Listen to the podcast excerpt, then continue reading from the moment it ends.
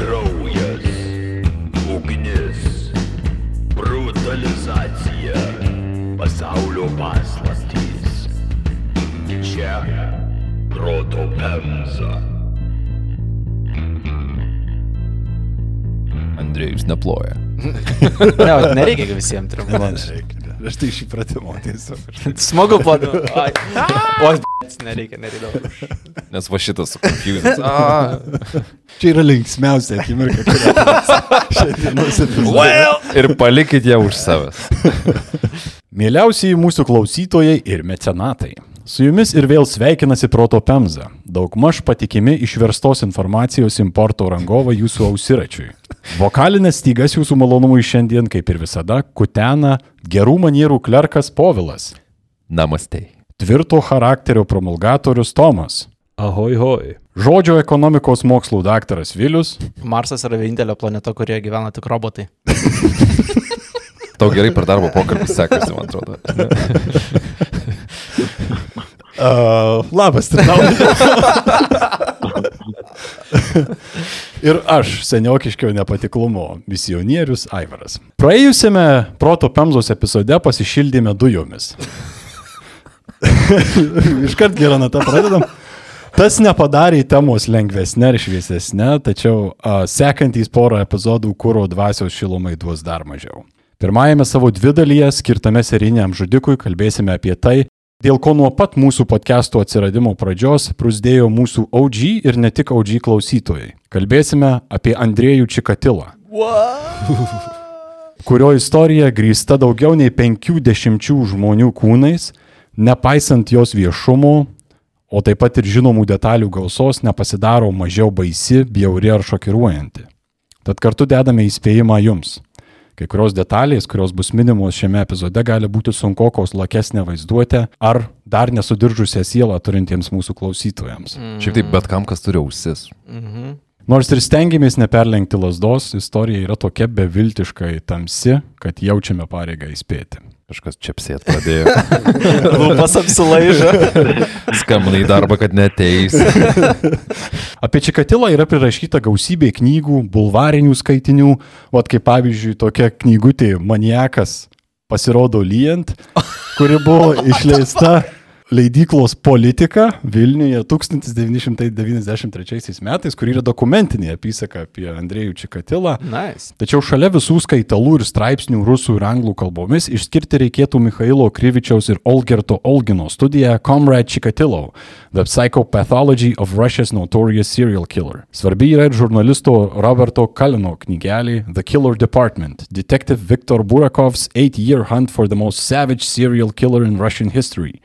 Yeah, okay. Paminėtini yra ir Christopherio Barry D knyga Cannibal Serial Killers bei Peterio Conradi The Red Ripper. O dabar šaldom nervus ir pradedame istoriją žmogaus, kurio brutalus siautėjimas kelia košmarus iki šiol. Andrėjus Romanovičius Čikatila, taip pat žinomas Rostovo skerdiko, Rostovo mėsininko ir raudonojo žudiko epitetais, yra palikęs nemažai skylių savo gyvenimo istorijoje, visų pirma dėl polinkio chroniškai meluoti ypač apie dalykus, kurių niekas negalėjo patikrinti. Tačiau viena aišku, jis negimė į nuo šviesesnio rytojaus šviesos palaimingai susiraukusį pasaulį. Aš gimiau 1936 m. spalio 16 Jablačinoje kaime. Mano tėvai badavo, aš taip pat badavau iki kol man suėjo 12 ir kuomet pirmą kartą savo gyvenime suvalgiau duonas. Mano tėvas ir motina vos nemirė nuo bado 33-34 metais. 33 jie neteko savo vyriausio sunaus, mano brolio Stepano, kurį pagrobė desperatiškai išbadėję žmonės ir suvalgė. Ši citata ateina iš Čikatilos parodymais paremtos autobiografijos, kurią pats jos herojus tariamai yra pavadinęs atsakovo A.R. Čikatilos SSRS piliečių 1933 m. ir 1947 m. bado ir kanibalizmo, stalinistinių represijų, stagnacijos ir perestroikos krizės aukos biografija. Gadėjom. Taip. Slysta nuo liežuvio. O kaip jis į vieną puslapį sutalpino tą pavadinimą? Geras klausimas. Iš šito gali galit suprasti, kad Čikatila turėjo tokį nesilpną polinkį ne tik į bombastiką, tačiau ir į savęs kaip didžiausios aukos pasaulyje matymą. Mm -hmm. Čikatila gimė kaime esančiame tuo metinės SSRS ir šiandieninės Ukrainos teritorijoje, šalies šiaurės rytuose. Šalia to, kad visa Ukraina tuo metu buvo jau ir taip draskoma įvairiausių leipstančių ir gimstančių imperijų, nenuostabu, kad ir Čikatilų šeima neišvengė vieno šlykščiausių Sovietų sąjungos nusikaltimų. Holodomoro bado 1932-33 metais nusinešusio tarp 3,5 ir 5 milijonų gyventojų įtin derlingą žemę turinčioje Ukrainoje. Mhm. Nenustabu, kad ir kanibalizmas Holodomoro metu nebuvo kažkas netikėto. Yra išlikusi gausybė istorijų, kai kur net su fotografijomis apie žmonės pardavinėjančius savo mirusius giminaičius ar jų kūno dalis kaip maisto produktus. Tad net jei Čikatilo meluoja apie kažkurias detalės, jis tikrai galėjo rastis aplinkoje, kur tokios praktikos buvo dar labai nesenos atminties mm. dalis. Pasakojama, kad tuo baisiu laiku dar mažą Čikatilą tėvai gazdino slibinais ir raganomis tam, kad jis niekur neįtų iš namų ir taip netyčia nedingtų dar kieno e, nors išbadėjusiuose rankose, kaip ir brolis Stepanas. Peteris Konradi pasakoja, kad nemaža dalis psichiatrų būtent šį įvykį įvardė kaip ypatingą formatyvų Čikatilos kaip žudiko virsmo tokio pradžios galbūt momentą dėl postumio stimuliuoti smurtingas fantazijas, nes jis realiai gyveno tokiam kaip ir fantazijų mm. pasaulyje, kad jeigu išeis, jį nusineš ir jis turi sėdėti namie. Čia ta sėkla gal padėta. Jo. Ne? Aišku, ne kiekvienas, kuris ten gyveno, tapo tokiu, bet uh, silpnesniam ar paveikesniam tikriausiai. Šitame kontekste bėda yra tik ta, kad jokio Stepano Čikatilos egzistavimo įrodymų nepavyksta rasti. I- Išskyrus jo autobiografiją. Taip. Mhm. Atrodo, kad bent jau oficialiai Čikatila buvo vienintelis sūnus šeimoje. Tik vėliau prie jo prisijungė sesuo Tatjana, gimusi 1943 metais, kaip įtariama nuo vokiečių. Namuose nepadėjo tai, kad Andrėjus chroniškai šlapindavosi į lovą naktimis. Už tai ypatingai ko neveikia ir lupo motina, su kuria prastesniais laikais Čikatilai tekdavo ir dalintis guoliu, nes tiesiog nebuvo kur miegoti. Toks santykis netrodo kaip labai sveika kombinacija mažam berniukui, ypač vadovaujantis tebūnė ir atgyvenusią McDonald's triadą. Mhm. Kai kurie autoriai kelia ir hidrocefalijos versiją, kuri galėjo paveikti berniuko vystimąsi, bet neteko rasti oficialaus to patvirtinimo. Ukrainos teritorija, kurioje radosi Čikatilo, buvo vienas karščiausių europinių krūvinųjų žemių taškų. Lyg to nebūtų gana, vos atsiradus šviesos plyšiui pilkame danguje po Holodomoro, Europą vėl apgaubė išmėkla. Šį kartą pasaulinio karo. Tai paveikė Čikatilos vaikystę iš esmės. Nuo 41 iki 44 metų aš prisimenu savo vaikystės metų siaubus, kai mes slėpėmės nuo bombardavimų ir šūvių rusiuose ir atvirose duobėse. Mes sėdėjom graviuose, alkani ir sušalę, bėgdami nuo švilpiančių kulkų. Aš prisimenu mūsų degančią trabelį ir fašistų žiaurumą. 44 metais į mokyklą šeidavau alkanas ir prisidengęs škurliais. Čikatila čia kalba apie savo tėvų vieno kambario trobą, kurioje jie, kaip vadinamieji kolhoznikai, gyveno ir vos sudūrė galą su galu. Per karą neliko net ir to. Tėvas greitai buvo pašauktas į frontą, Andrėjus liko su mama, su kuria pusbadžiu gyveno dar kelis metus ne tik per, bet ir po karo. Matė ne tik lavonus, bet ir žmonių egzekucijas, į kurias vaikai mėgo atbėgti paspoksoti. Ir mirtis, ir žiaurumas yra toks įprastas dalykas, kur tai yra nu, visiška kasdienybė. ne? Tai- Ir, ir tu gali tikėti, nu, nes toks laikas buvo. Nu, Ir ypatingai turint omeny, kaip vaikai yra linkę susikurti, nu, normalizuoti bet kokią situaciją, kurioje būtų. Tai wow. Gera pradžia. Ne? A, ok. Ir jam ne dešimt dar nėra. Ne, ne, ne. Na, kągi gyvenimo skrynutė dar turi pasiūlyti. Kai kurie per gyvenimą tiek nepatiria. Tikėkime ir ne. Jo. Teks, taip, šito, tai. Tai vienos tokios egzekucijos metu kareiviai pamatė, kad į juos kažkas spokso, pradėjo šaudyti į tuos geltonsnapius atėjusius, žiūrėti mirties. Bebėgdamas nuo to šaudimo su kitais vaikais, Čikatila kažkur tai parpuolė, susitrenkė į galvą ir neteko sąmonės. Kaip pasakoja, pabudo lavonų pilnoje duobėje, kurioje prasidėjo iki aušros. Jo, tas ir baisiausia, kad ta istorija, kad ir ko, kaip kraupiai skambėtų, bet laikmečio kontekste yra visiškai Taip. reali. Normalu, kaip sakant, jo. Bet išgyveno jis tą karą ir atrodytų, kad po karo situacija turėtų gerėti. Ne velnio. 1947-48 metais badas Ukrainoje pasiekė dar vieną piką. Vaikai, kaip ir kiti vargingesnieji, turėjo misti žolę ir lapais bei ištinusiais pilvais po to eiti į mokyklą. Pamokų metu alpdavo po suolais. Čikatila vėliau kalbėjo apie tai, kaip jam būdavo sunku sutelkti dėmesį ir kaip nuolatos besimokant skaudėdavo galvą. Turbūt galima tai suprasti, žinant, jog badas gali tam daryti įtaką. Tačiau psichologai mano, kad ši konkreti detalė buvo sumeluota, nes nors ir intriguoja, tuo pat metu jai nebuvo jokių įrodymų. Manoma, kad šitai buvo paminėta specialiai, bandant konstruoti psichinio sutrikimo negydyto nuo vaikystės mitą. Jis buvo pakankamai protingas, kad galėtų, ne, tokią mhm. istoriją sukurti. Kiti mes nešnekam apie visiškai... Oi ne. Galvos skausmo hipotezė gali padėti paaiškinti ir tai, kad Čikatilo turėjo labai prastą regą, dėl kurios žiauriai kompleksavo didžiąją gyvenimo dalį. Jo labiau, kad tuo metu jo vaikystėje niekur šalia nebuvo įmanoma pasitikrinti akių ar juo labiau dėvėti juos. Kiek vėliau atsiradus toms galimybėms, jau paaugęs Andrėjus juos pats bijojo dėvėti, nes tada sakė, kad bus vadinamas keturakiu. O ne. Taip, tai taip ir gyveno tokio pužlibio misterio magų gyvenimą. Jis yra nimagų. Taip, nimagų, jo. Ir jis taip gyveno iki pat savo vedybų, kai jam jau buvo suėję 30. Nuo tada akiniai su labai storais stiklais tapo jo įprasto atributu. Mm -hmm. Čikatilo pagal jo buvusių klasiokų liudijimus iš ties buvo labai nervingas, nuolatos lydimas nepakankamumo komplekso, ypač socialinėse situacijose. Mm, įdomus klasiokai, gal dėl to, kad pizdavojas nuolatos yra šitaip, ne, ne, ne, ne, ne mano. nu, bet kiek esi girdėjęs vaikų arba paauglių, kurie sakytų, o gal nesityčiam, nes jis užaugs kažkokiu gal banditu. Ne, yeah, bet po to, žinai, kai, kai sakai šitą dalyką, kad, oi, tu pasi kažkoks nepilnas pilnavertiškumo kompleks. A ne? jo. Bet reikia pažymėti, kad jis jau tokiu buvo dar prieš ateikdamas į mokyklą, kad okay. ten tas nervingumas ir keistos fantazijos jos jau buvo tenais. Tai aš įsivaizduoju, kaip sunku jį buvo išginti į mokyklą, nes laukia taigi slibinai ir drakonai taip, taip. ten buvo. Bet įsivaizduoju, tu turi šešių metų, vai, septynių metų vaiką ir tu sakai jam eit, kai jis klausėsi visą savo ankstyvą vaikystę apie kanibalus, ar ne? Mm. Neįtin geras. Aš irgi nesusikaupčiau mokykloje. Pat būtent. Ja, fuck. Gerai, so far so bad. Jo. Laikui bėgant, dėl šito savo nervingumo ir, ir, ir tokio socialinių situacijų nemokėjimo nu, kažkaip suvaldyti, jis užsidarė į save, pasinėrė dar pilniau į mokslus ir knygas, o laikui bėgant pradėjo griežti dantį ant viso išorinio pasaulio, kuriame jautėsi neadekvatus. Tuo pat metu tikrinant pasakojimus buvo atkasta, kad nors mokiniai ir pritarė, kad Andrėjus buvo drovus ir uždaras, šiaip mokykloje tarp vaikų jis buvo žinomas kaip Andrei Syla arba Andrėjus jėga. Būtent dėl savo fizinės jėgos, mm. kurią nevengdavo ir muštynėse demonstruoti. Tai verčia kiek abejoti to viso pilnai nuskriaustojo naratyvo, ypač jeigu jis yra prisimenamas toks, kur net mėgo rodyti tą savo jėgą. 1949 metais Čikatilos tėvas, visas jau beveik suėstas tuberkuliozės, grįžo iš fronto. Kelintais iš fronto? 49. Kyla klausimas, kodėl taip vėlai. Jo. Ne?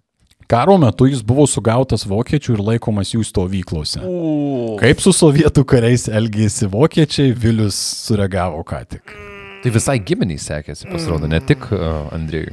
Man atrodo, visai tautai ir žmonėms mm. nelabai sekėsi. Jį, tai tėvas išgyveno holodomorą, pateko į karą ir tą pateko į vokiečių karo belaisvių stovyklą, kas reikštų, kad kanibalizmas grįžo atgal taip, pas jį. Jeigu jis išgyveno šitą dalyką, tai tik tai iš to... But wait, there's more. Atėjus amerikiečiams, Čikatilos tėvas buvo išvaduotas. Tačiau net tokiais atvejais žmonės įvairiuose laikinuose pabėgėlių stovyklose dar galėjo praleisti ištisą eilę metų, kol galės varyti namo. Tai gavo patį geriausią paketą išvykos iš, iš namų. Romanas grįžęs dėl savo lygos nelabai net pakildavo iš lovos. Sako, prisimena, kad jis jau gulėdavo lovo ir dėjuodavo nuolatos. Tačiau draugui Stalinui net ir tokie veikėjai buvo pernelyg pavojingi. Pagautas vokiečių ir išlaisvintas amerikiečių, reiškia dirbi šnipu abiem. Ta proga Romanas Čikatila, kosėdamas lauk savo plaučius, buvo išsiųstas dirbti į Komį ir Čiuvašiją metkirčiauti kur lageriuose ir baigiai savo dienas. Pats tas, pats tas yra po tokio gyvenimo išvaryti pamet kirčiauti taigai. Sibirą. Nu, čia Sibirė, taip? Išvarus jau.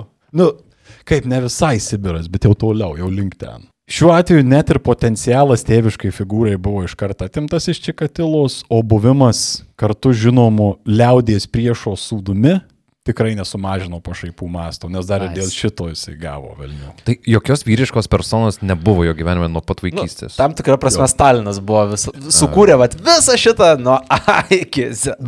in, with that in mind, prasidėjus 20-ojo amžiaus 6-ajam dešimtmečiui, būsimasis žudikas įniko į komunistinę literatūrą, pasidarė ištikimų pravdos skaitytojų, baisiai mėgo istorijas apie sovietinius partizanus. Tapo mokyklos komiteto nariu, buvo atsakingas už propagandinės informacijos išvertimą į savo kolegų moksleivių kalbą. Bet Okay. atrado save. Kalbant apie tas a, tėviškas figūras, mm. pasakoja, kad 1953 metais mirus Stalinui jis braukė ašaras ir baisiai norėjo nuvažiuoti Maskvon, tačiau neturėjo pinigų. Vargšas vėl. Taip. Nu, daužo gyvenimus per visus galus. Visiškai. Baisu. Vėjas į akis, jo, visą laiką. Kaip teigia Mikhailas Kryvičius, svarbus Čikatilos bruožas buvo nulatinis komunistinių įsitikinimų akcentavimas, nelyg bandant kuo labiau įtikti aplinkai ir ją įsilieti it kokiam psichopatui. Nežinant, kas jis toks, aš toliau nežinau, jūs čia visi pasiskaitę, kokias jis biurus, o man iki šiol aš tai tik tai girdžiu apie žiauriai prastas kortas ištraukusi žmogų gyvenime, kurį viskas skaudžia aplink. Ir Įdomu, ar būsi tos pačios nuomonės po kokių 15-20 minučių. Bet, bet aš sutinku, kad, kad žiūrint grinai iš tokio ar ne tuščio lapo perspektyvos, man lygiai toks pat jausmas buvo, nes jeigu tu skaitytum taip apie žmogų, nu baisu buvo gyventi jam ir aukti vien. Bet vėl, tokių žmonių buvo ne vienas ir ne du tam pačiam Jablačinoje kaime, bet mes kalbam apie Čikatilą šiandien, ne apie tų žmonės. Tais pačiais 1953 metais Čikatilo pasakojo vasarą dirbęs kolhoze, kuomet išsigandęs arklys Andrėjui kažkaip įsinarpliojus į pakinktus nu- sugebėjo pastarį patemti gerą kelio gabalą. ne tik Brazauskui nesisekė.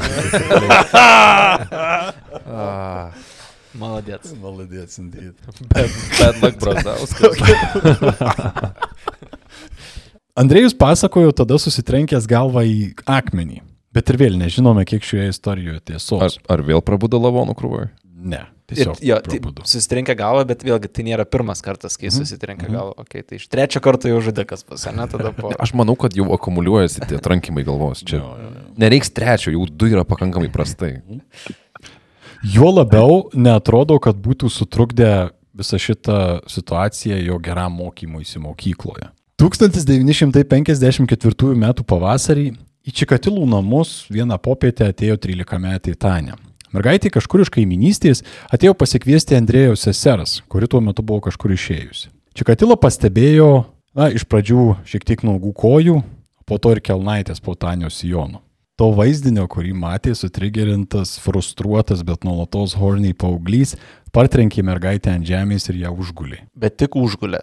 Ar Kiek galima tikėti melagiu? Sakė, kad Ok. okay. ne tik, kad neprievartavo, bet ir niekaip kitaip nelietė mergaitės, o tiesiog gulėjo ant jos ar ėmėsi su ją ant Nu, nu, žemės. Nu, koks e, geros dušės žmogus. Tik iškirto 13 metį ir ant jos atsigulė visų svorį. Nu, Netyčia. klap, klap, Taip, klap. taip. Šaunuolis. Kam nebūna? Ir šitų imtynių metu, ten jai besipriešinant ir panašiai, a, Čikatilo beveik iškart ejakuliavo. A. Irgi netyčia. Čia tikriausiai iš tos meilės tėviniai ir partijai. Taip.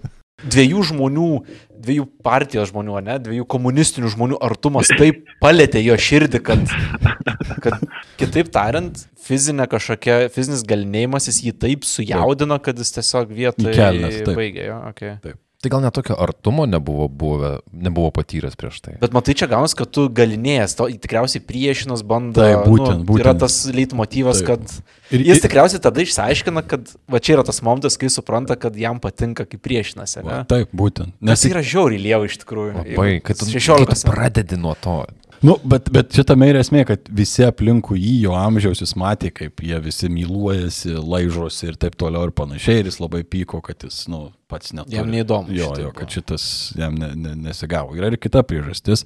Atlikęs šitą Jerry Smith special, uh, Čikatila buvo nustebęs dėl netikėtai laimingos pabaigos. To didelė priežastis buvo tai, kad jis buvo jau 17 ir žinojo, kad turi problemų su potencija. Tačiau tuo pat metu visa patirtis jam atseit varė išleikštulį. Tad kaip sakė, pats greitai savo pasirašė pažadą padėsinti išvengti tokių dalykų ateityje. Šitas pažadas atspindi ir jo neapykantą genitalijom, kuri vėliau pasireikš ir įvairiais simboliniais veiksmais.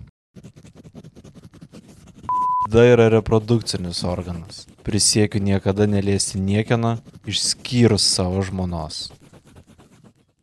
Tai reikia tik užsigult 13 metę, ejakuliuoti ir tada, vat, supranti šitą, kad pažadą sauduoti, ne? Mm.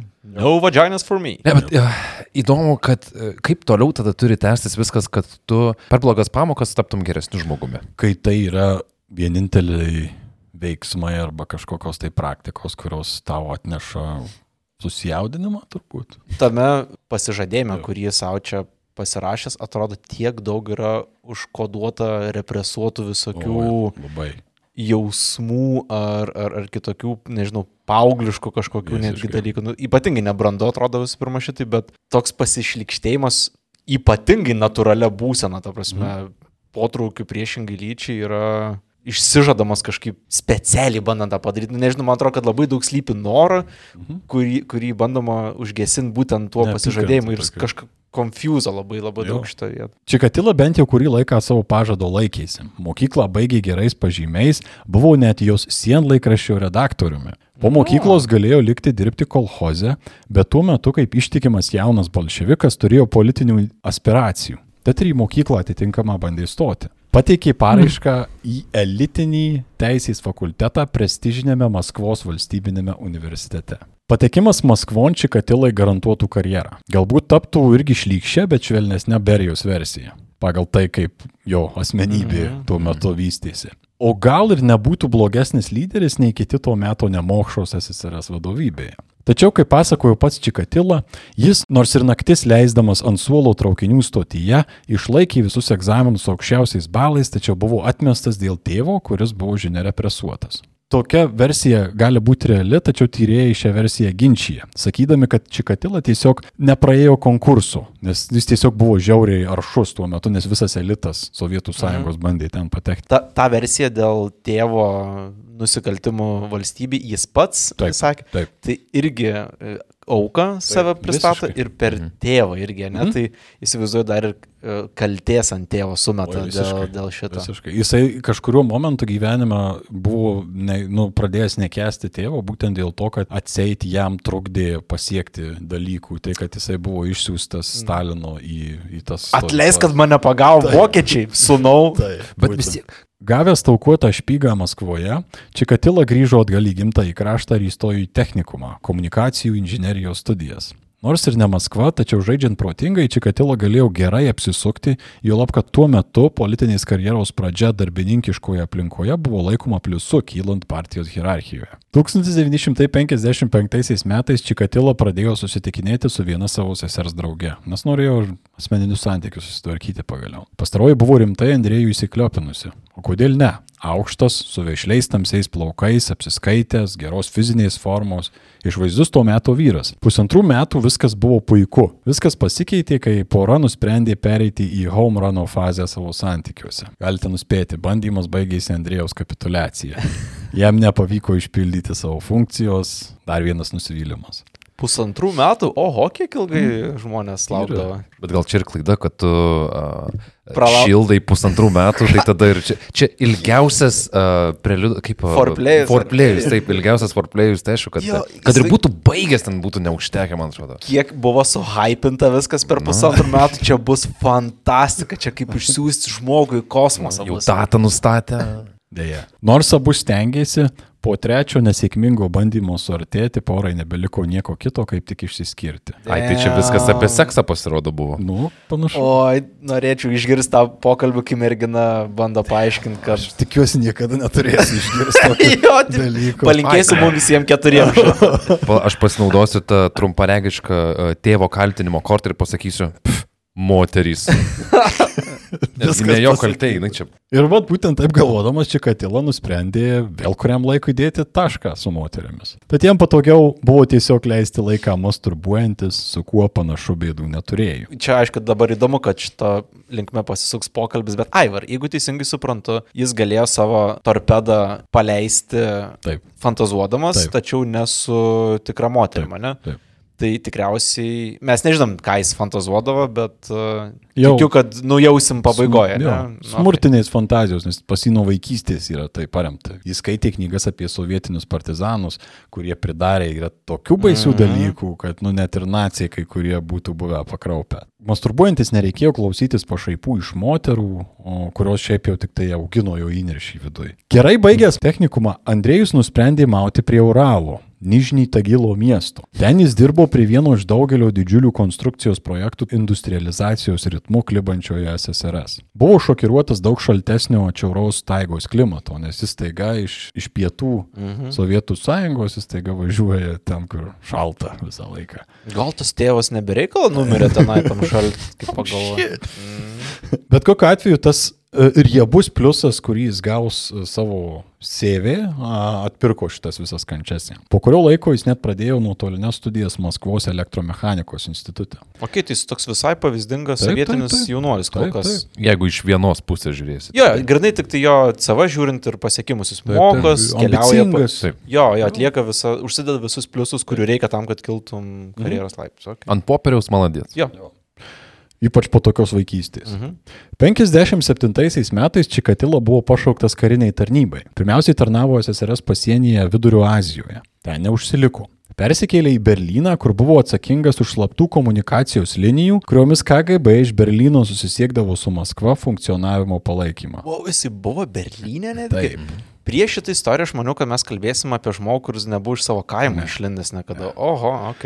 Bet įsivaizduokit, koks svarbus jis turėjo jaustis sistemos Jo, jo, kad iš Sovietų sąjungos į Berliną, tai čia toliausiai vakarus, kiek legaliai gali Taip. būti ištransportuotas. Užsirekomendavo labai gerai, neturėjo jokių nuobaudų ir oficialiai įstojo į komunistų partiją, kurios nariu bus dar 27 metus. Puiku. Dalykai ėjosi neblogai. Jo, socialinis mobilumas, ta prasme, kol kas Visiškai. atrodo stand-up guy, visiškai. Taip. Darbas užėmė mintis į rankas, daugiausiai vyriška kompanija turėjo savo minusų dėl nešvankių juokelių apie seksą ar Andrėjaus draugumą su moterimis, bet gyventi buvo galima. 1960 metais kariniai tarnyba baigėsi. Pagyvenęs su mama, Andrėjus 1962 metais taiga persikraustė į Rodionovkos, tokį miestelį, esantį apie 40 km nuo Rostovo. Nuo Rostovo ant Dono. Ondon. Ir čia yra 62 metai, tai jam yra 26. Į tą pusę jau. Ten būdamas jisai pirmą, pirmų darbų įsidarbino vienoje darbininkų brigadoje, tiesusioje telefono kabelius. Vieną dieną visiems sustojus pertraukos, vyriška komanda pradėjo pasakoti istorijas, kaip ir priklauso. A, kaip ir mes darome, ne? Neišvengiamai viskas pasisuko link juokų apie moteris ir seksą. Aišku, puritoniškai nusiteikęs Čikatilo visas raudonavo ir purkštavo ten sėdėdamas. Dėl to savo puritoniškumo jis buvo traukiamas per dantį.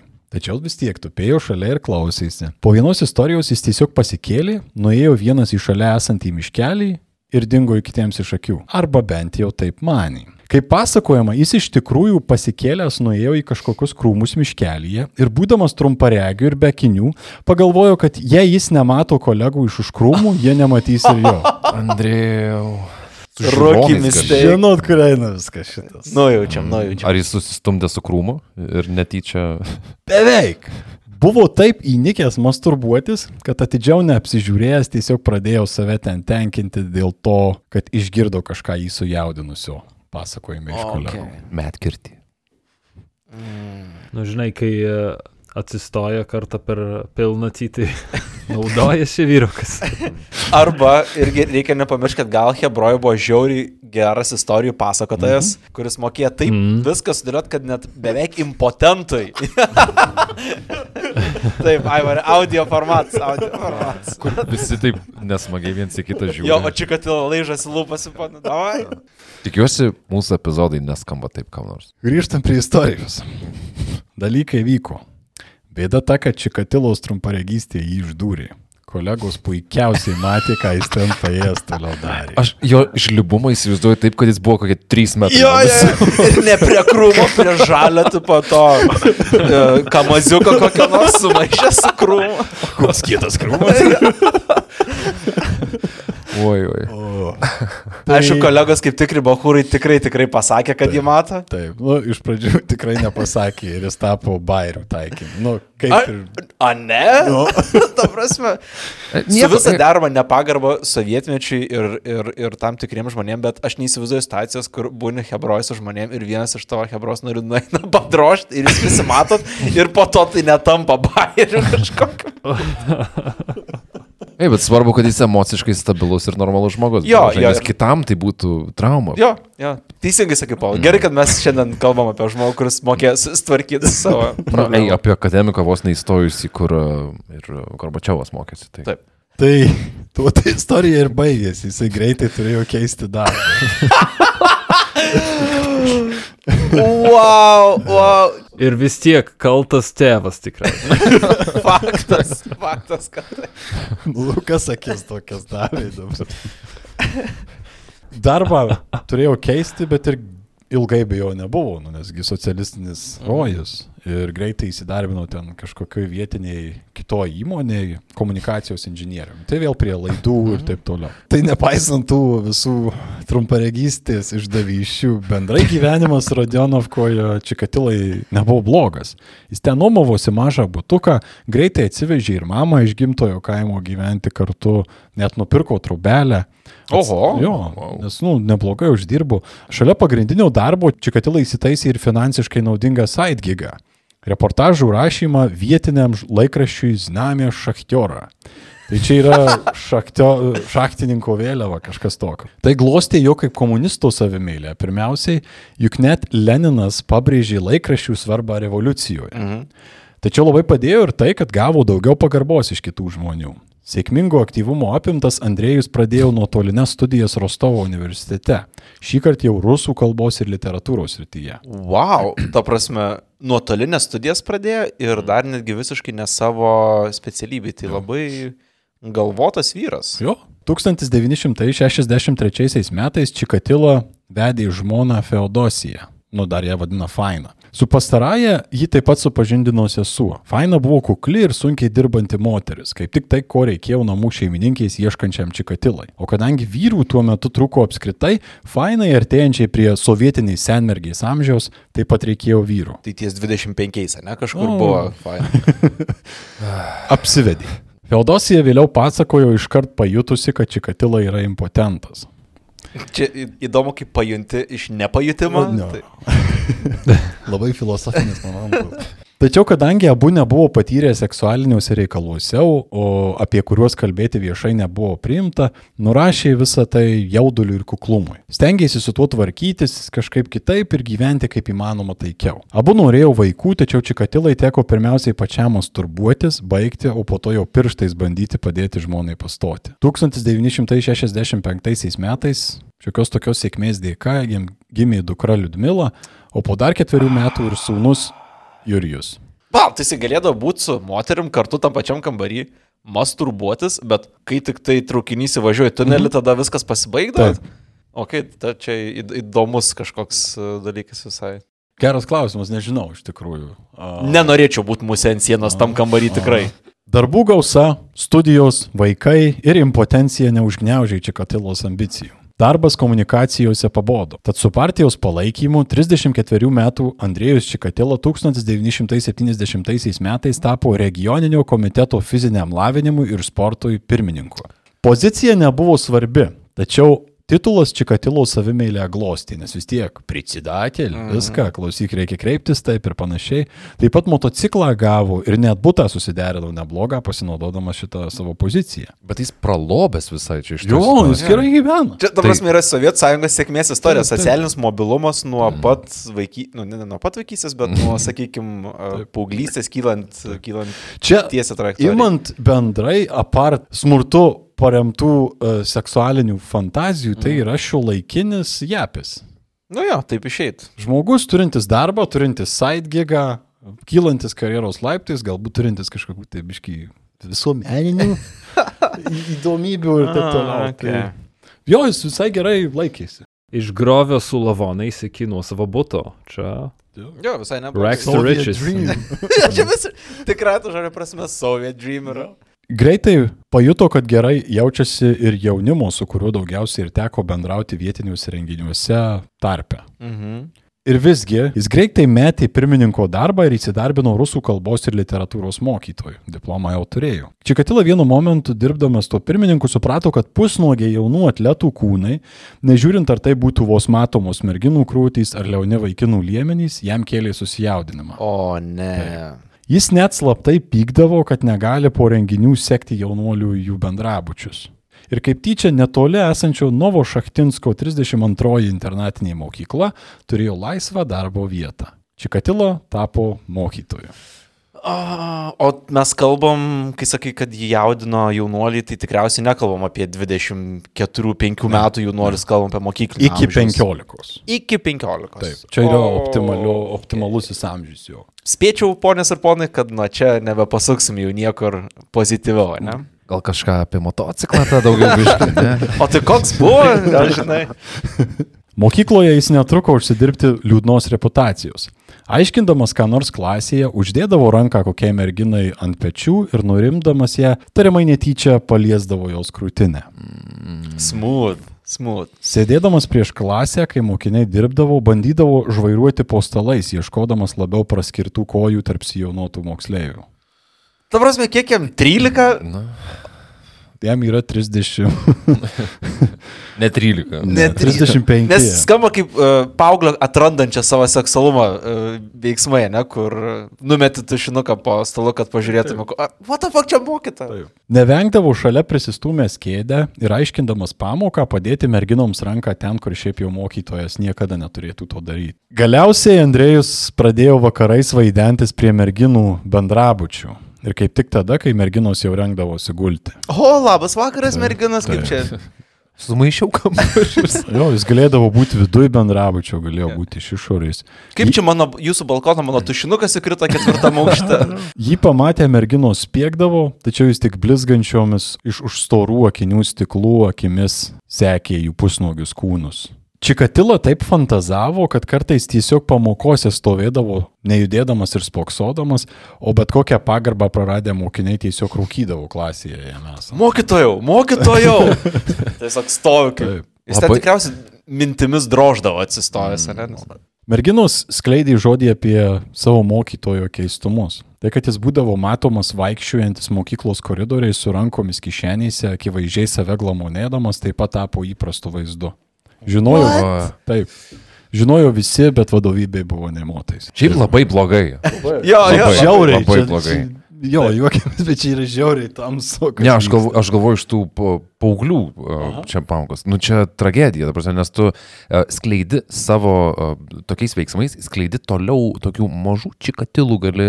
Jo, traumą toliau Jo. perduoti tokia, kur atrodo tiem vaikam po to arba kad tai yra normalu, arba kad, nu, nežinau, tai būna tiesiog mokyklose, ne? Tiesiog, vad būna mokyklose, kad eina tavo mokytas ir dročina kišenę, nes normalu. Mm, Aš užaugęs noriu būti mokytojas.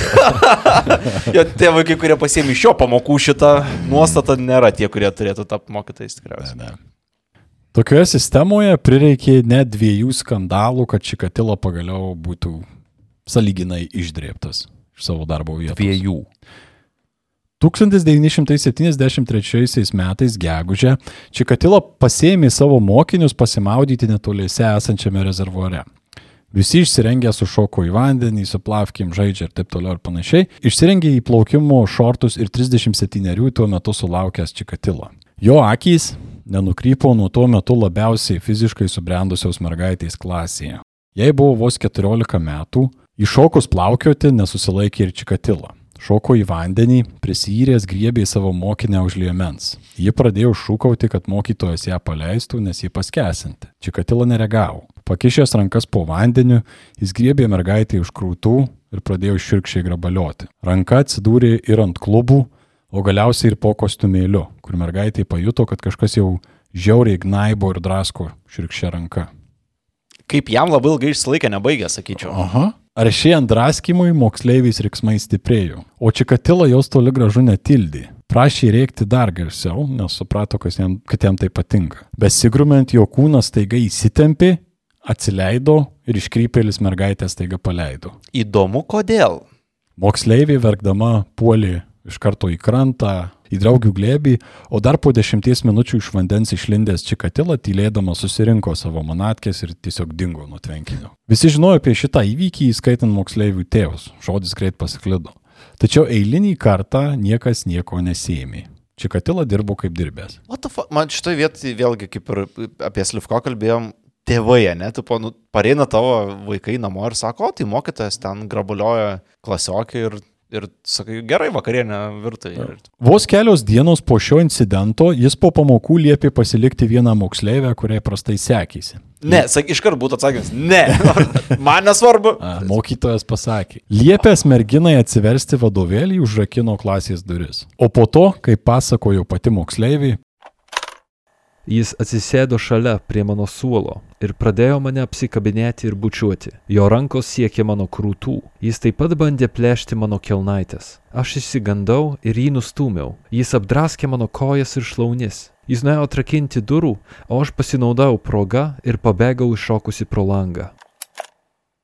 Įdomu, kad jis jau šituo kartu suprato, kas neveikia, ne? O Mhm. neveikia tai, palyginus su pritu kartu maudantis, kad yra stebėtojų, tai auką reikia jau labiau izoliuoti, ne? Kur tu jau saugesnis esi. Tai jau matome uh, atrandantį savo pomėgius ir uh, aršėjantį, jau? Tai, eksperimentuoja, pobiškai žiūri, ką Bet padaryti. superkatalizatorius viskam yra nebaudžiamumas. Nu, faktas, faktas, kad taip. Bet tas seksualinis katalizatorius vėlgi jis drasko, jis net neprevartavo, ne? Jam kol kas užtenka mažų dozių, ne? Jis vat, šiek tiek pajaučia smurto matomai, baigia tada ir gali, gali jau išleisti savo Jo, tą Nu, ob, objektą. Polimą. Mažų dozių, kai pagalvoji, kad toks žmogus gali nueiti iki nužudimo, Taip, tai manai, kad mažos dozės, bet tai mergaitai tuo metu tai yra tiesa, visiška tiesa, tragedija. tiesa. Čikatila vėliau pasakojo, kad tiesiog užrakino merginą klasėje, įdant jai niekas netrukdytų, o jam sugrįžus jie buvo pabėgus. Paliksiu jums nuspręsti, kurią versiją tikėti. Po antrojo incidento Čikatilo pagaliau buvo priverstas palikti savo pareigas mokykloje. Praktinėme lygmenyje net ir priverstas, kabutėse savo norų išeiti Čikatilą, nesulaukė jokių rimtesnių sankcijų. Kaip pastebi Kryvičius ir Olgertas, čia buvo vienas iš daugelio sovietinių paradoksų. Įstatymas apsaugojo veltėdžius, girtuoklius ir visokius nemokšas tol, kol šie laiko ateidavo į darbą ir nelaužydavo taisyklių. Čikatila šitai suprato anksti ir tuo naudojosi. Mhm. Jo, jo, labai panašu, kad tol, kol sėki liniją, Taip. tol viskas You're ok. okay. Jo. Po šių skandalų eilinį kartą nugalėjo gero darbininko ir gero komunisto klišys. Nepakenkė ir tai, kad Čikatila buvo gerbiamas žurnalistas, tebūnė ir tolimais, tačiau galimais ryšiais KGB. Tad jis galiausiai buvo paskelbtas moraliai stabiliu, kad ir ką šitas dviejų žodžių vėmalas gali reikšti sovietinėme kontekste. Gandai po Novo Šachtinską sklido greit. Juos išgirdo ir Čikatilo žmona, kuris sakė buvusi šokiruota tokiu kaltinimu. Ji bandė viską savai racionalizuoti. Sakė, kad kadangi seksualinis gyvenimas namie toks prastas, jis tik taip išleidžia prikauptą energiją. O, tai nieko Jo, tokio jo, tada, jeigu prie jo. moksleivių kabinė. Juk geras vyras, griežtokas, tačiau lepinantis vaikus taip, kad sūnus net nebeklauso jo jo, negeria, nerūko, neša uždirbtus pinigus į namus. Alkoholizmas Sovietų sąjungoje buvo tokia milžiniška problema, kad prievartautojas vyras vis tiek yra pabrėžiam, bent, bent jau negeria. Ir visur taip, kiek, kiek O, Svarbu negeria, viskas. Labai panašus kriterijus e, ufologam galioja. Bet viduje faina kažką nujauti. Vieno reto pabaigto seksualinio akto pasiekoje ji vėl pastojo, tačiau pasidarė abortą, neatsižvelgdama į tai, kad Čikatila norėjo dar daugiau vaikų. Turbūt netoks ir blogas sprendimas, kai tuo metu išnaglėjęs Čikatila jau bandė grabalioti ir savo sesers šešiametę dukterį, wow. kuriai rodydavosi nuogas ar kaišudavo rankas jai į kelnaitės. Sesers dukra. Taip. Wow. Taip, jis ją kviesdavosi visur kartu dviese keliauti ir taip toliau. ir panašiai. Kiek mes nežinom dalykų. Laikui bėgant atrodys, kad Čikatilos žmona sąmoningai save uždarė nuo žinojimo apie vyro veiklą, nors turbūt ir turėjo galimybės pasikasti giliau. Čikatilo labai greitai susirado naują darbą. Spėkit kur. Novo Šachtinsko techninėje mokykloje numeris 39. Teisinosi, kad lindo anksčiau tik prie merginų, o vien vaikinų mokykla nekels jo jokių patologijų ir rizikų. Mhm. Darbą atliko atmestinai, bet kompetitingai. Toliau lyzdamas sistemon, bandydamas atrodyti patikimas, jis netgi tapo tokiu kaip ir freelance informantu tuo metiniam vidaus reikalų departamentui.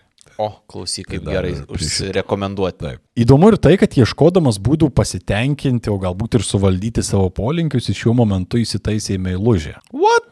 Būtent. Šitas Oksimoronas, biški. Jo, Impotento meilužė. jo Stalino torpedo savininkas. Ši moteris buvo jo paties svainio buvusi žmona. Plauk, sesers vyro, kurių vaiką jisai dar fondlino. Taip. Wow, Buvusi okay. žmona. Taip.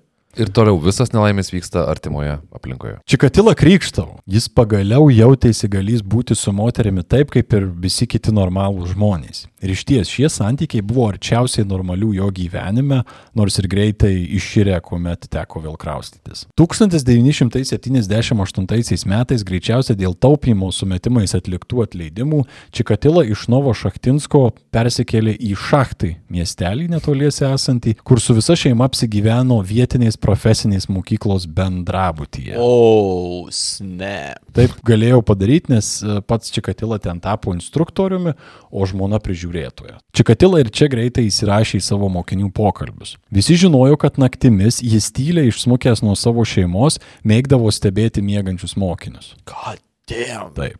Vienas penkiolikmetis mokinys pasakojo bent du kart naktimis pabudęs, kai pajuto kažką šilto besiremenčio į jo pilvą. Ten buvo čikatilos nukis. Neįsimy detalės, ką jis ten darė. Pamatęs, kad mokinys pabudo, jis tiesiog nieko nesakęs pasišalino iš kambario ir kitą rytą niekaip neužsiminė apie nutikimą. Žinai, miego paralyžiaus metu, kai ateina koks nors demonas, tai čia ta, tas tikrasis atvejis, kai taip nutinka. Baisios legendos pagarbos iš mokinių jam nepridėjo. Laikui bėgant, Čikatila pradėjo trainiotis ir aplink mokyklos tualetus, po to vaidentis kitose mokyklose, kur siūlydavo vaikams gumos, pavyzdžiui. Važiuodamas viešuoju transportu nevengė atseit netyčia praeidamas pro merginas trintis į jas savo genitalijomis. Jam, kaip suprantu, lytis nėra faktorius, ne? Jis At this point, ne. Yeah, okay. Tačiau, nepaisant visų šitų nu, išvykų su mokiniais, trynimus į kitus ir seksualinio priekabiavimo, įtampa jo viduje, kaip jisai sakė, ir toliau kaupėsi. Negalėjimas fiziškai suartėti mhm. lais, laisvai jį erzino. Čikatila vėl nežinojo, ko imtis. Seksualinis gyvenimas netenkino. Tuo metu, jau po truputį pradėjus SSRS rodytis ir psichiatrams, žmona kartą pasiūlė nueiti pas kokį. Nu, pasišnekėsim. Tačiau Čikatila piktai aišku atsisakė, nes koks jis vyras, jei reikia eiti pas psichiatrus. Sužinos pats, kas ir kaip. Ir Čikatilos žinių bagažas šiuo klausimu lemtingai pasipildė 1978 m. gruodžio 22 d.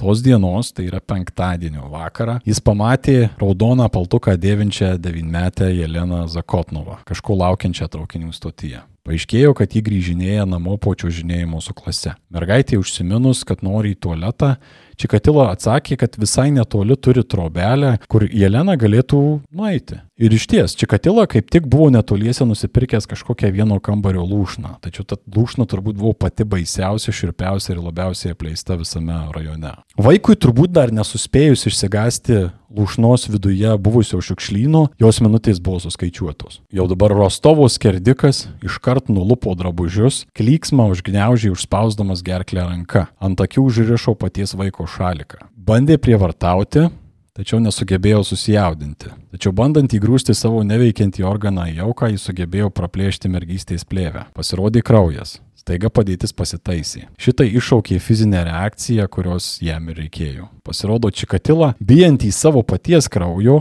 jaudino mergaičių kraujas. Tai supratęs, jis ją palaipsniui subadė, įskaitant jos akis, į kurias nenorėjo žiūrėti žudimo metu. Nors pradžioje panikavo, iškart po nužudimo, po kurio laiko aprimęs negyvą Leną ir jos kuprinę tiesiog išmetė į šalia buvusią Gruševkos upę. Čikatila suprato, ko jam reikia. Po to net šlykščiai balbatavo, kad būtent su pirma auka pasiekė ryškiausią orgasmą savo gyvenime, kurį norėjo ir pakartoti vėliau. Uf, galėčiau pasakyti šitą vietą tik tai.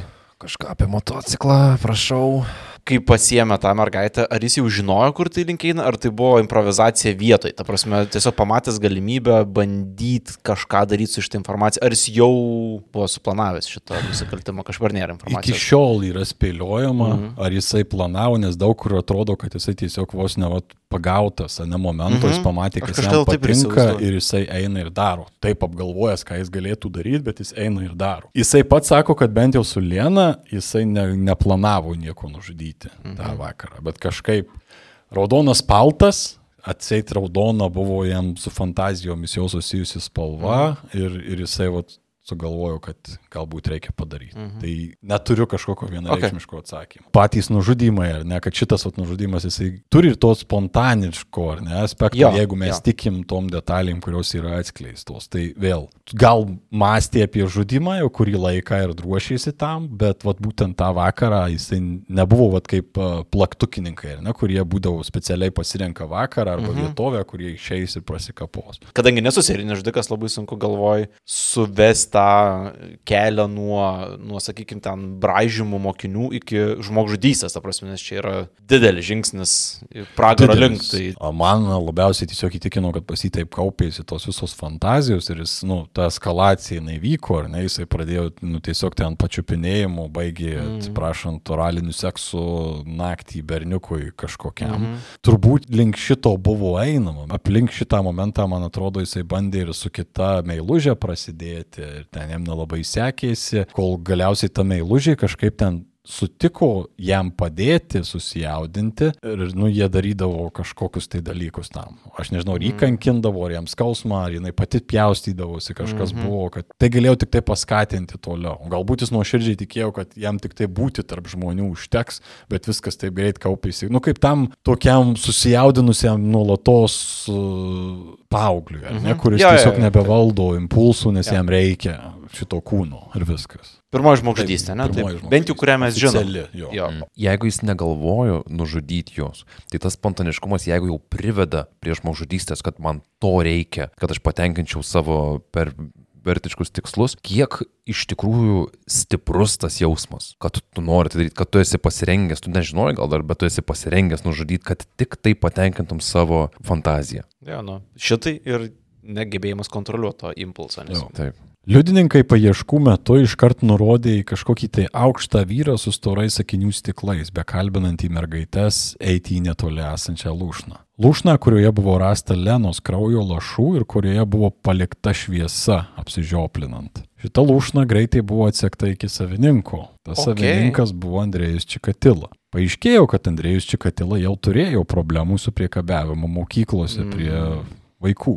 Čia turėtų būti epizodo pabaiga iš esmės. Ir aš norėjau pasiūlyti, kad gal davai užsukam šitą ir varom, bet dėja, dėja, dėja. Taip, Čikatila labai greitai atsidūrė nuovadų. Čia atvykęs kartu su žmona, jis gailiai nuleidęs galvą, sakė, kad nebeturi problemų su potraukiu mergaitėms ir labai gailisi to, kas nutiko mokyklose. Ir apskritai seksualiai aktyvus nebėra. Kaip čia dabar taip? Meanwhile, prieš policininkus sėdi bičias atitinkantis apibūdinimą Taip. su milžiniško storio uh, akiniais ir... Ir plus kraujas. Taip, Taip, taip. taip. Kukul, kukul, kukul, kukul, kukul pareigūnai. Būtent, būtent. A, vėl puikiai e, teisės saugos istorija, man atrodo, mhm. mūsų laukia. Mm -hmm. Seksualinio aktyvumo nebuvimą turbūt nemeluodama patvirtino ir šalia buvusi žmona. Dar tuo pačiu melagingai, pridėjusi, kad Andrėjus visą laiką prabuvęs su jie tuo metu, kai dingo mergaitė. Okay. Būtent šie melagingi žmonos parodymai išsuko Čikatilą nuo palaimingai ankstyvos karjeros pabaigos. Su nuovados durimis išeinant iš tardymo, Čikatilos gyvenime atsidaro durys į tai, ką specialistai vadina jo raudonuoju gyvenimo periodu paliekančių už nugaros rožinio laikotarpio darbelius, kurie nepaisant savo širpumo buvo palyginus lengvi žaidimai. Kurį laiką Čikatila bandė laikytis ramiau, nieko neužkabinti jokiais incidentais, net darbą atlikinėjo gana gerai. Po kurio laiko išgirdau ir gerų naujienų. Tuose pačiuose apylinkėse gyvenančiam 23 metų Aleksandrui Kravčenkai jau teistam už paauglės išprievartavimą ir nužudymą labai nepasisekė. Jis iškart atitiko tai, ko ieškojo milicija. Tariamą prisipažinimą išgauti te buvo laiko ir metodų klausimas. Tai buvo svarbiau nei parodyti jo fotografiją liudininkams, kurie būtų patvirtinę šimtų procentų, kad Kravčenka netrodo kaip jų matytas mhm. dėdas. 1983 metais Kravčenka teismo sprendimu buvo nušautas. Tai tą bičią, kurį neteisingai supakavo, mirties bausmę gavo jisai. Taip, jisai mirties bausmę gavo. Jį galima laikyti antrąją, nors ir netiesioginę Čikatilos auką. Milicijai uždaryta byla.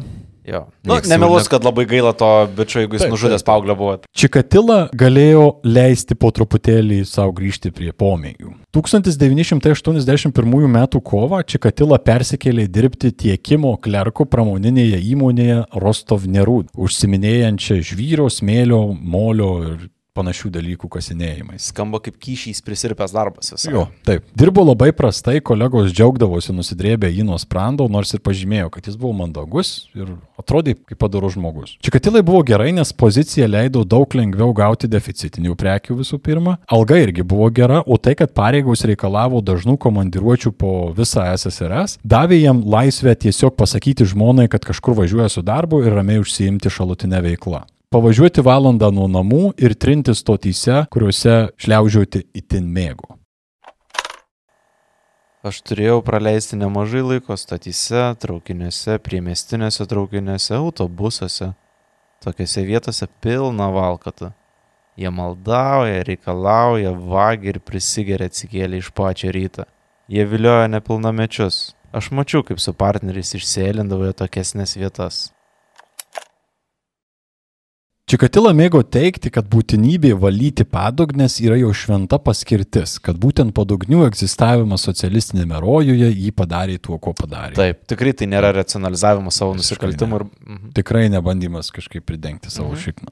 Čikatilo dažnai lankydavosi Rostovo bibliotekoje, kur skaitė savo mėgstamiausius komunistinius laikraščius. 1981 m. rugsėjo 3 d.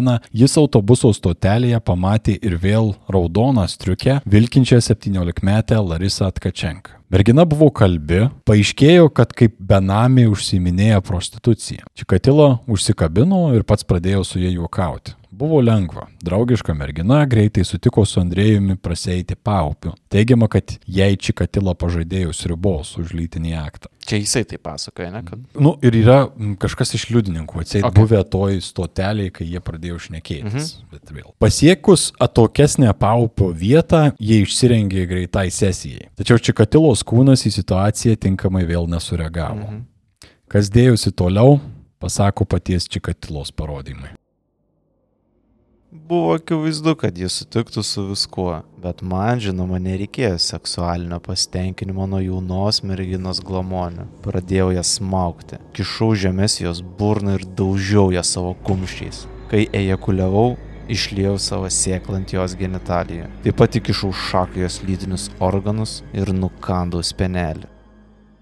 Čikatilo nutyli kai kurias detalės, kaip tai, kad pavyzdžiui tiesiog dantimis draskė savo aukos kaklą, o nukandęs penelį jį prarijo, taip įsirašydamas į kanibalų gretas. Pagriebęs merginos drabužius, pradėjau nesuprantamai lakstyti aplink jos kūną, mėtydamas viską į šonus. Darė tai kokį pusvalandį apimtas ekstazijas. Kas mums atrodo kaip kokio ritualo dalis, jam buvo jos svajonių išsipildymas. Pasakojo, kad taip darydamas jautėsi kaip partizanas iš savo vaikystės knygų. Wow, kokia įdomi sąsaja. Su... Aš bandau įsivaizduoti tą vaizdą galvoj, kai šalia yra negyvas žmogaus kūnas, o jis ekstazės apimtas laksto tiesioginio to žodžio prasme ratais. Taip nuogas, krūvinas ir... Wow. Čia tokia įdomi riba tada gaunasi, kad jam, kad ejakuliuotų, reikia žmogžudystės arba kankinimo mhm. kažkokio.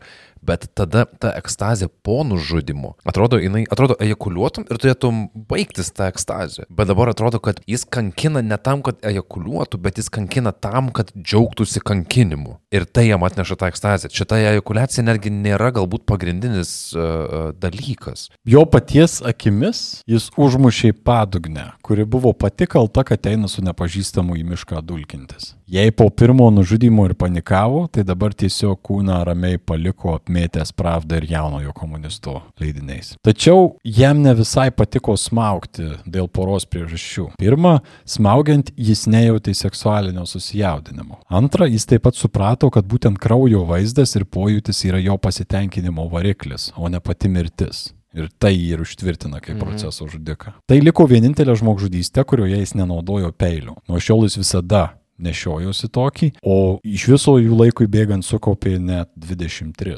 Visą kolekciją turėjo, taip. O jei reikalas prispausdavo, naudodavosi sunkesniais akmenimis. Tarp pirmos ir antros Čikatilo žmogžudystės, bent jau oficialiais duomenimis, yra užfiksuota daugiau nei dviejų metų pertrauka. Tai tas atvėsimo laikotarpis. vadinamas. Jos. Labiausiai tikėtina, kad jis tiesiog a, labiau bandė turbūt susirankioti, kad jo tikrai niekas nesusekė, nes po pirmo žmogžudystės jį vos neuždarė, Jo, jo, jo. ištrauktas buvo vos vos, tai manau, kad čia tiesiog tai, kad jis labai atsargiai. Praėjus dešimčiai mėnesių po Larisos mirties, 1982 m.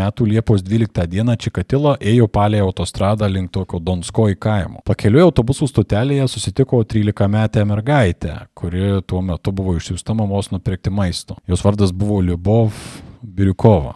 Pradėjau su ją kalbėtis, abu suprato, kad autobusas vėluoja, tai nutarė eiti kartu tolyn, link to, link to kaimo. Abiem pasiekus miškingą vietą, Čikatila supratęs, kad nieko aplink nematyti, ir šį kartą jau su akiniais būdamas, išsirengė ir mergaitę tiesiog subadė. Vėliau ant jos kūno buvo rasta 40 durtinių žaistų. Ir vėliau pastebėjo tyrėjai, Čikatilos dūriai turėjo du dėsningumus. Pirma, ant kūno būdavo viena vieta, į kurią būdavo suduodama daug smūgių, tarytum į vieną tašką. Mhm. Patologai padarė išvadą, kad tai daryta norint imituoti lytinį aktą, kuriam jis neturėjo pajėgumų. Čia bent jau tokiam Uf. simboliškam freudiniam lygmenį. O antrasis aspektas yra tas, kad buvo aktyvus badymas aplink akis, tarytum bandant užgneušti siaubo apimtą aukos Mhm. žvilgsnį. Ir yra tikriausiai tas aspektas, kadangi kraujas įjaudina, tai tikėtina, kad badant į vieną vietą daugiau tiesiog Taip, gauna to. ir tas. Oh, fuck. Jo. Vos devynios dienos po šios žmogžudystės Čikatila be šeimos kaip niekur nieko išvyko metinių atostogų į kurortą šalia Krasnodaro. Jis sugrįžo pa šeimą po kelių savaičių, balbatuodamas, kad jo atostogos buvo pasmerktos nuo pat pradžių. Sakė, pamiršęs kuponus, kurie būtų davę jam kambarius ir maistą. Nusprendė, kad geriau ilsėtis namie, o ne išlaidauti kažkokiuose kurortuose. Šeimos žmogus. Nu. Jo. Jo. Tačiau kažkaip į žmonos klausimą, kodėl jam protas nušvito tik po trijų savaičių, tai padaryti atsakinėjo įti nenoriai. Turėjau tam priežasčių. Iš tiesų, pabuvęs vos keturias dienas kurorte, Liepos 25 dieną jis išprievartavo ir nužudė 14-metę Liubą Volobujevą šalia Krasnodaro oro uosto esančiame sorų lauke. Vargšiai mergaitė viso labo Krasnodare laukė persėdimo į kitą lėktuvą, nes skrido iš Novo Kuznetsko per Krasnodarą susitikti su savo giminaičiais. Po pirmojo nužudimo Jis toliau trynėsi apylinkėse net negalvodamas apie važiavimą namo. Rūpiučio 13 dieną nusliūkinęs prie vietinio tvenkinio jis susipažino su devynmečiu Olegu Požudajevu. Olegas dingo išėjęs pasivaikščioti miške su Čikatila. Nors tą patį vakarą Olego tėvai kreipėsi į policiją, kūnas nerastas iki šiol. Pats Čikatila prisipažino tiesiog pamiršęs tikslę mirties vietą. Mhm. Rūpiučio 15 dieną skerdikas traukinių stotyje pamatė 16-metę Olgą Kupriną. Pastaroji akivaizdžiai susinervinusi rūkė vieną cigaretę po kitos. Čikatila iškart šoko naudotis progą, užkalbino susinervinusią netidžią merginą. Pastaroji pasakė susipykusi su motina ir dabar ten norinti kur nors pavažiuoti, kad praveidinti galvą. Mhm. Čikatilo pasiūlė jai pinigų, po to nusivežti į ten vietinį kažkokį rezortą, tiesiog už tai, kad, nu, pasivaikščios jinai su juo. Mhm. Olga sutiko. Vėl tas pats scenarius - miškas, peilis, kraujas ir mirtis. Šį kartą Olgos palaikai buvo rasti be spenelių ir lūpų, kurias nukando arba nupjovė Čikatilą. Čikatila taip save patenkinęs bent tris kartus vieno mėnesio eigoje, pirmą kartą gyvenime po viso šito grįžo namo ir darban. Darbė net nebandė rodyti susidomėjimo, kolegos greitai pradėjo šnapždėtis, kad Andrėjui ne visi namie. Kartą jie kaip juoką jam įdėjo plytą į lagaminą ir uždarė. Mhm.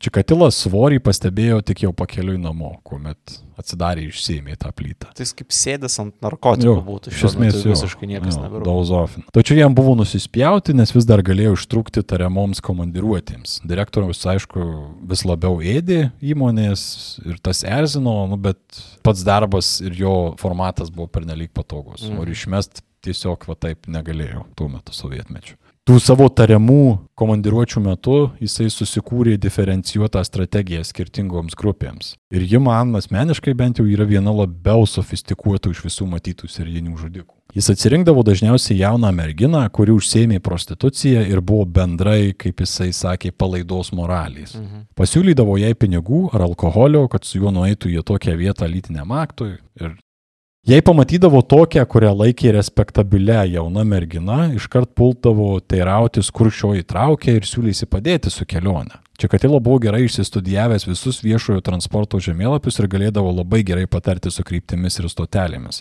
Malonus gelbstintis vyras taip pat nekeldavo įtarimų. Mhm. Trečią strategiją Čikatilo turėjo vaikams. Kai buvęs pedagogas, jis taip pat žinojo, ką reikia jiems sakyti. Juos viliodavo saldainiais, guma ar pašto ženklais, video kasetėmis ir kitais daikčiukais. Kviesdavosi į savo tariamą dačią esančią netoliese. Mhm. Viskas pasibaigdavo taip pat. Lagamine taip pat kartais nešiojosi keptuvę ir šalia kai kurių žmogžudystės vietų rastos buvo laužų liekanos. O, tai kanibalizmas Tai po pilnai, ne? Neaišku, turbūt. Bet- e, bet ir nenustebintų. kažkas- Jo, nenustebintų, bet turbūt. Ne nu, kiaušinienė sužinosim kepęs tik- tikriausiai. 1982 m. rugsėjį Čikatila vėl suaktyvėjo. Rugsėjo 8 dieną susidūrė su 19-metė Irina Karabelnikova. Naudotas jau pagrindiniu tapęs modus operandi. Mergina buvo išviliota iš šachtų į traukinių stoties ir tokioje vietoje rasta negyva ir išprievartauta. Jos gerklė buvo perpjauta, kas leidžia spėti, kad Čikatilai prisėjo merginos gyvenimą baigti po ilgo ir žiauraus kankinimo, rašant tik savo suprantamus ornamentus peiliu ant jos kūno, nes visas kūnas Uf. buvo suraižytas. Dar liūdniau yra tai, kad valkataujanti Irina buvo intelekto raidos sutrikimų turinti mergina, su kurios seserimi pats Čikatilas slaptai susitikinėjo prieš porą metų. What? Čia, vis, čia nesąmonė, prasme, viskas ant tiek blogėja ir taip Jo. greitai. Mintyse pagalvoju, kad 82 metai, ne? Sakai, tai čia yra mūsų tėvų jaunystės metu siautė žudikas, apie kurį jie neturėjo net menkiausios supratimo, kad toks yra jų tuometiniai valstybei esants. Ho, ho. Tai ir pagalvok, 82, čia net nesusietos tos uh, žūtis. Jo, ir jis- uh, geografija gan plati. Nu, jo, Rugsėjo 15 dieną 15-metis Sergejus Kuzminas pabėgo iš internato. Stotyje a, kažkur važiuodamas susibendravo su draugišku Čikatila ir su, po kurio laiko su vyru dingo miške. Kūnas buvo rastas kitų metų sausį. Vaikino genitalijos buvo nupjautos, o kūnas taip subadytas ir subjaurotas, kad dalis vietinių tyriejų pamačiusių kūną palūžė tiesiog verkiai nusikaltimo vietoje. 1982 metus šis vaikščiojantis šūdo kulnas pabaigė gruodžio 11 dieną nužudydamas dešimtmetę Olgą Stelmačionak. Mergaitė autobusu važiavo iš šeštadieninių pianino pamokų Novo Šachtinskė, kai iš transporto priemonės ją išsivedė aukštas akiniuotas vyras. Kai mažosios Olios kūną pagaliau kažkas surado kukurūzų laukia šalia miesto, ji turėjo daugiau nei 50 durtinių žaizdų, o jos gimda ir žemesnioji virškinamojo trakto dalis buvo tiesiog išpjauta. Oficialiai žinomų Rostovo skerdikų aukų skaičius pasiekė 9, o jei skaičiuosime ir neteisingai nuteistą Kravčenką, tai ir 10. Turbūt ne vienam iš jūsų beklausant kilo toks klausimėlis, o tai ką pareigūnai? A, galvoju apie motociklą grįžim kažką. Pareigūnai bendraja prasme šiek tiek smaukėsi pirmin atgal. Apie tai kalba bendra reakcijos toka visiems žinant, kad mieste yra mokytojas pedofilas, linkęs į smurtą. Turbūt ne veltui Rostovo regionas turėjo vieną aukščiausių nusikaltimo lygių SSRS.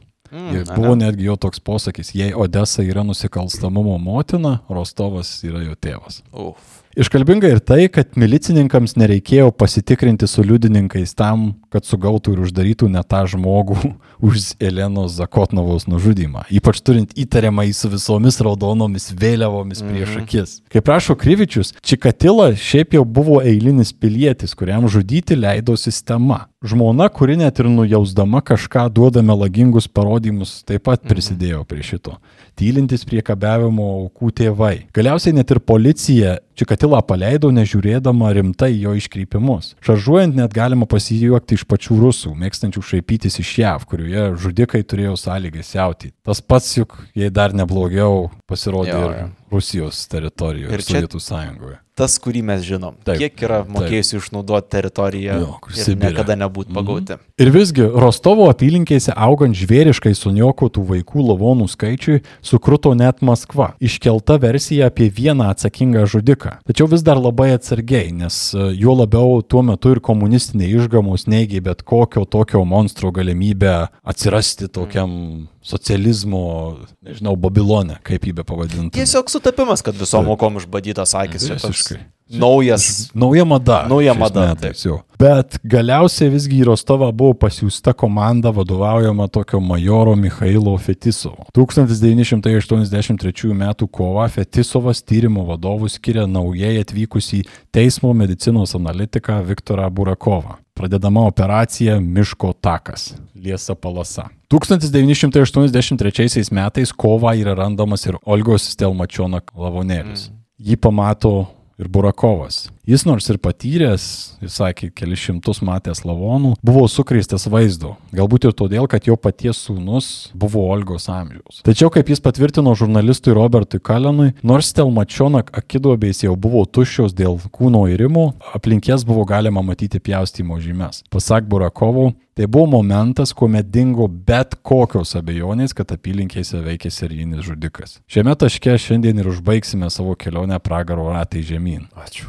Kaip tokia versija sekėsi įtikinti komunistinius kostiumus, kokie buvo tolimesni Čikatilos keliai, šios ir kitus klausimus galėsite savo atsakyti sekančiame Proto Pamzos epizode, jeigu vis dar turite jam apetitą. Uf, Aivarai. Uf. Wow! Wow, koks uh, smagus, smagus epizodas iš tikrųjų. Tiek, tiek daug šviesių dalykų. Dar pradžių pasiekėm šiek tiek, o dabar jau. Bet norisi padėkoti Aivarai tau už kantrybę, nes tau reikia perskaityti visą šitą ir, ir mums perteikti jau tik tai uh, daigelius, sakykim, Būtent, sakykim taip. ten blogiau ir blogiau. Jo. O klausytų, jeigu jūs perklausyti iki dabar ir, ir jaučiatės negerai, tai patys norėt iš tikrųjų. tai Jau mes perspėjom. Džiaugs on you, aš ne. Ta istorija, jinai yra taip žinoma ir taip girdėta visiems, bet jinai vis tiek kiekvieną kartą prie jos grįžus yra viena iš tų retų istorijų, kur Lytinio pasitenkinimo aspektas padaro tai tūkstant kartų Visiškai. blogiau negu...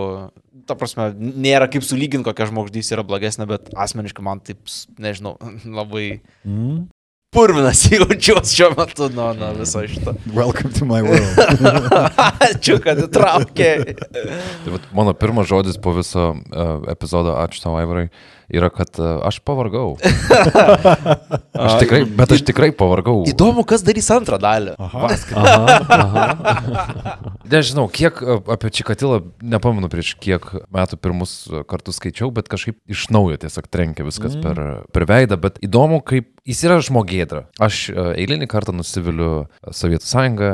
Eilinį kartą nusiviliu galbūt uh, kažkokių žmonių neveiksnumu, nes čia tiek slenkščių buvo galima iškelt, kad tiesiog mm. užkliūtų jisai ir kad viso to neatsitiktų.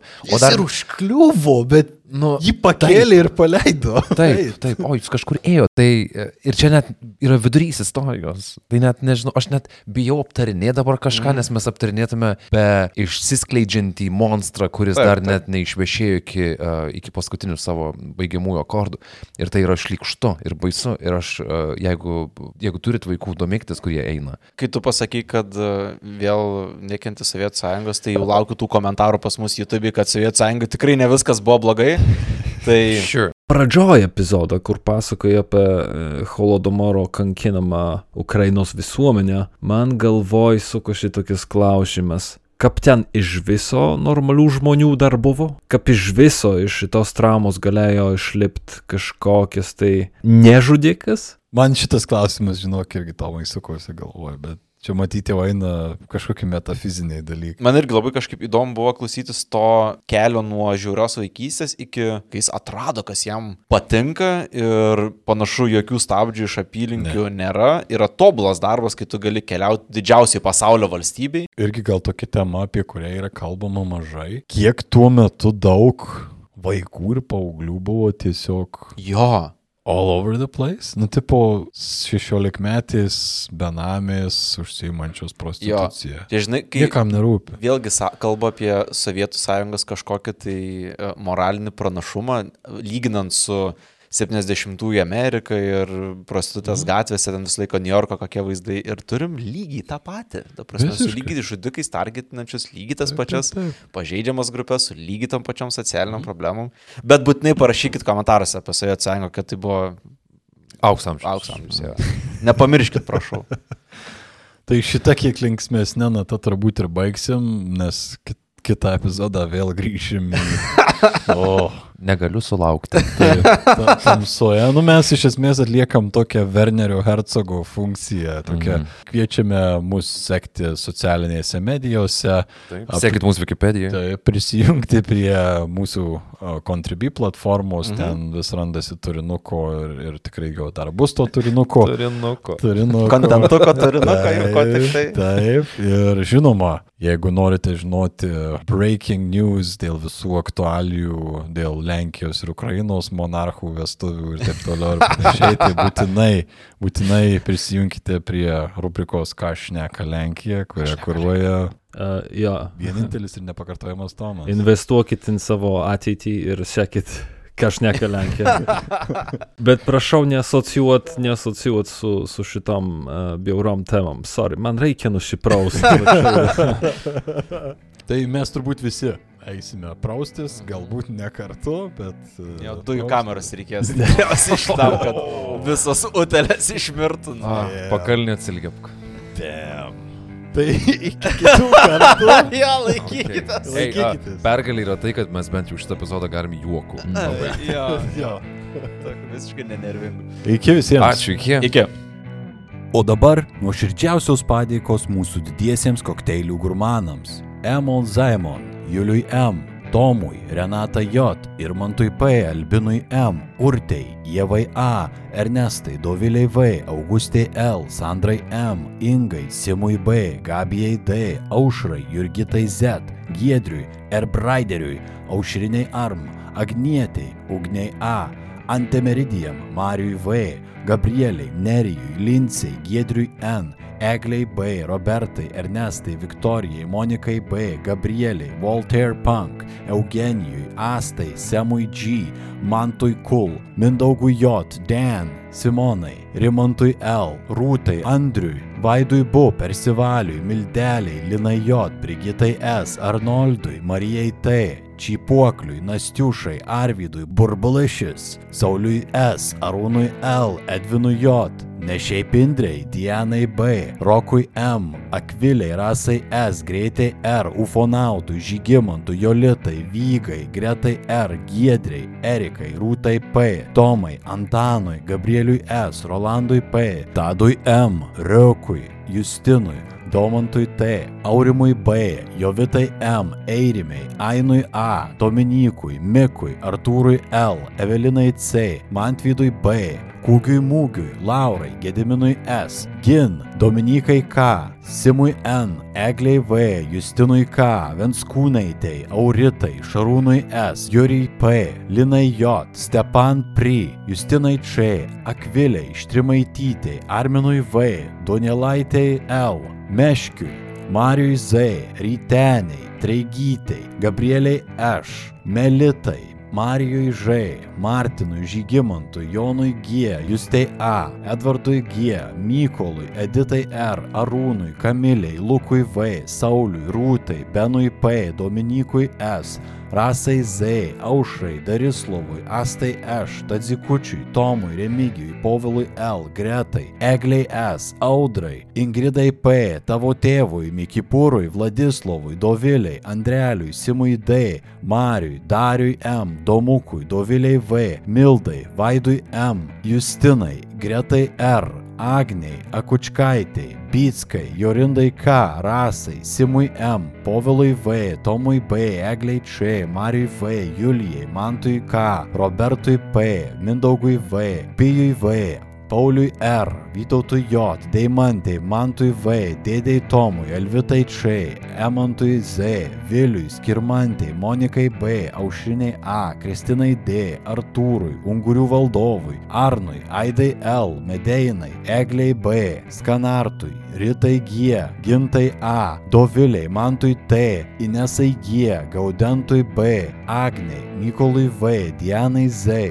Dariui, Linai, Vaidui G, Akviliai K, Raimondui Ž, Inai, Lukui, Aiščiui, Gailiai, Monikai, Mirandai Z, Justin G, Ievai T, Dariui, Virijau Punk, Dievui Agurkui, Laimonui V, Petrui M, Liudui U, Redai, Sauliui, Raimondui K, Povilui, Solveigai, Kristei S, Vytautui, Justui P, Almantui, Migliai, Indrei Dai, Karolinai Š, Audriui, Kamiliai, Robertui, Marijui N, Robertui R, Vaidotui A, Tomui S, Geruliai, Irmantui, Aretui, Silvijai, Agniai S, Jovitai K, Elijui J, Martynui V, Simonui U, Kestui P, Daliai, Editai, Gustei Marijai, Linai G, Aistei V, Arnui J, Vilitai, Rimantai Š, Celiukaitei R, Deimai H, Donatui, Gabrieliai P, Rekui, Neringai V, Danui K, Kornelijui, Ignui A, Doviliai, Aušriniai, Simonui, Remrem, Rimai, Vikai, Antropikui M,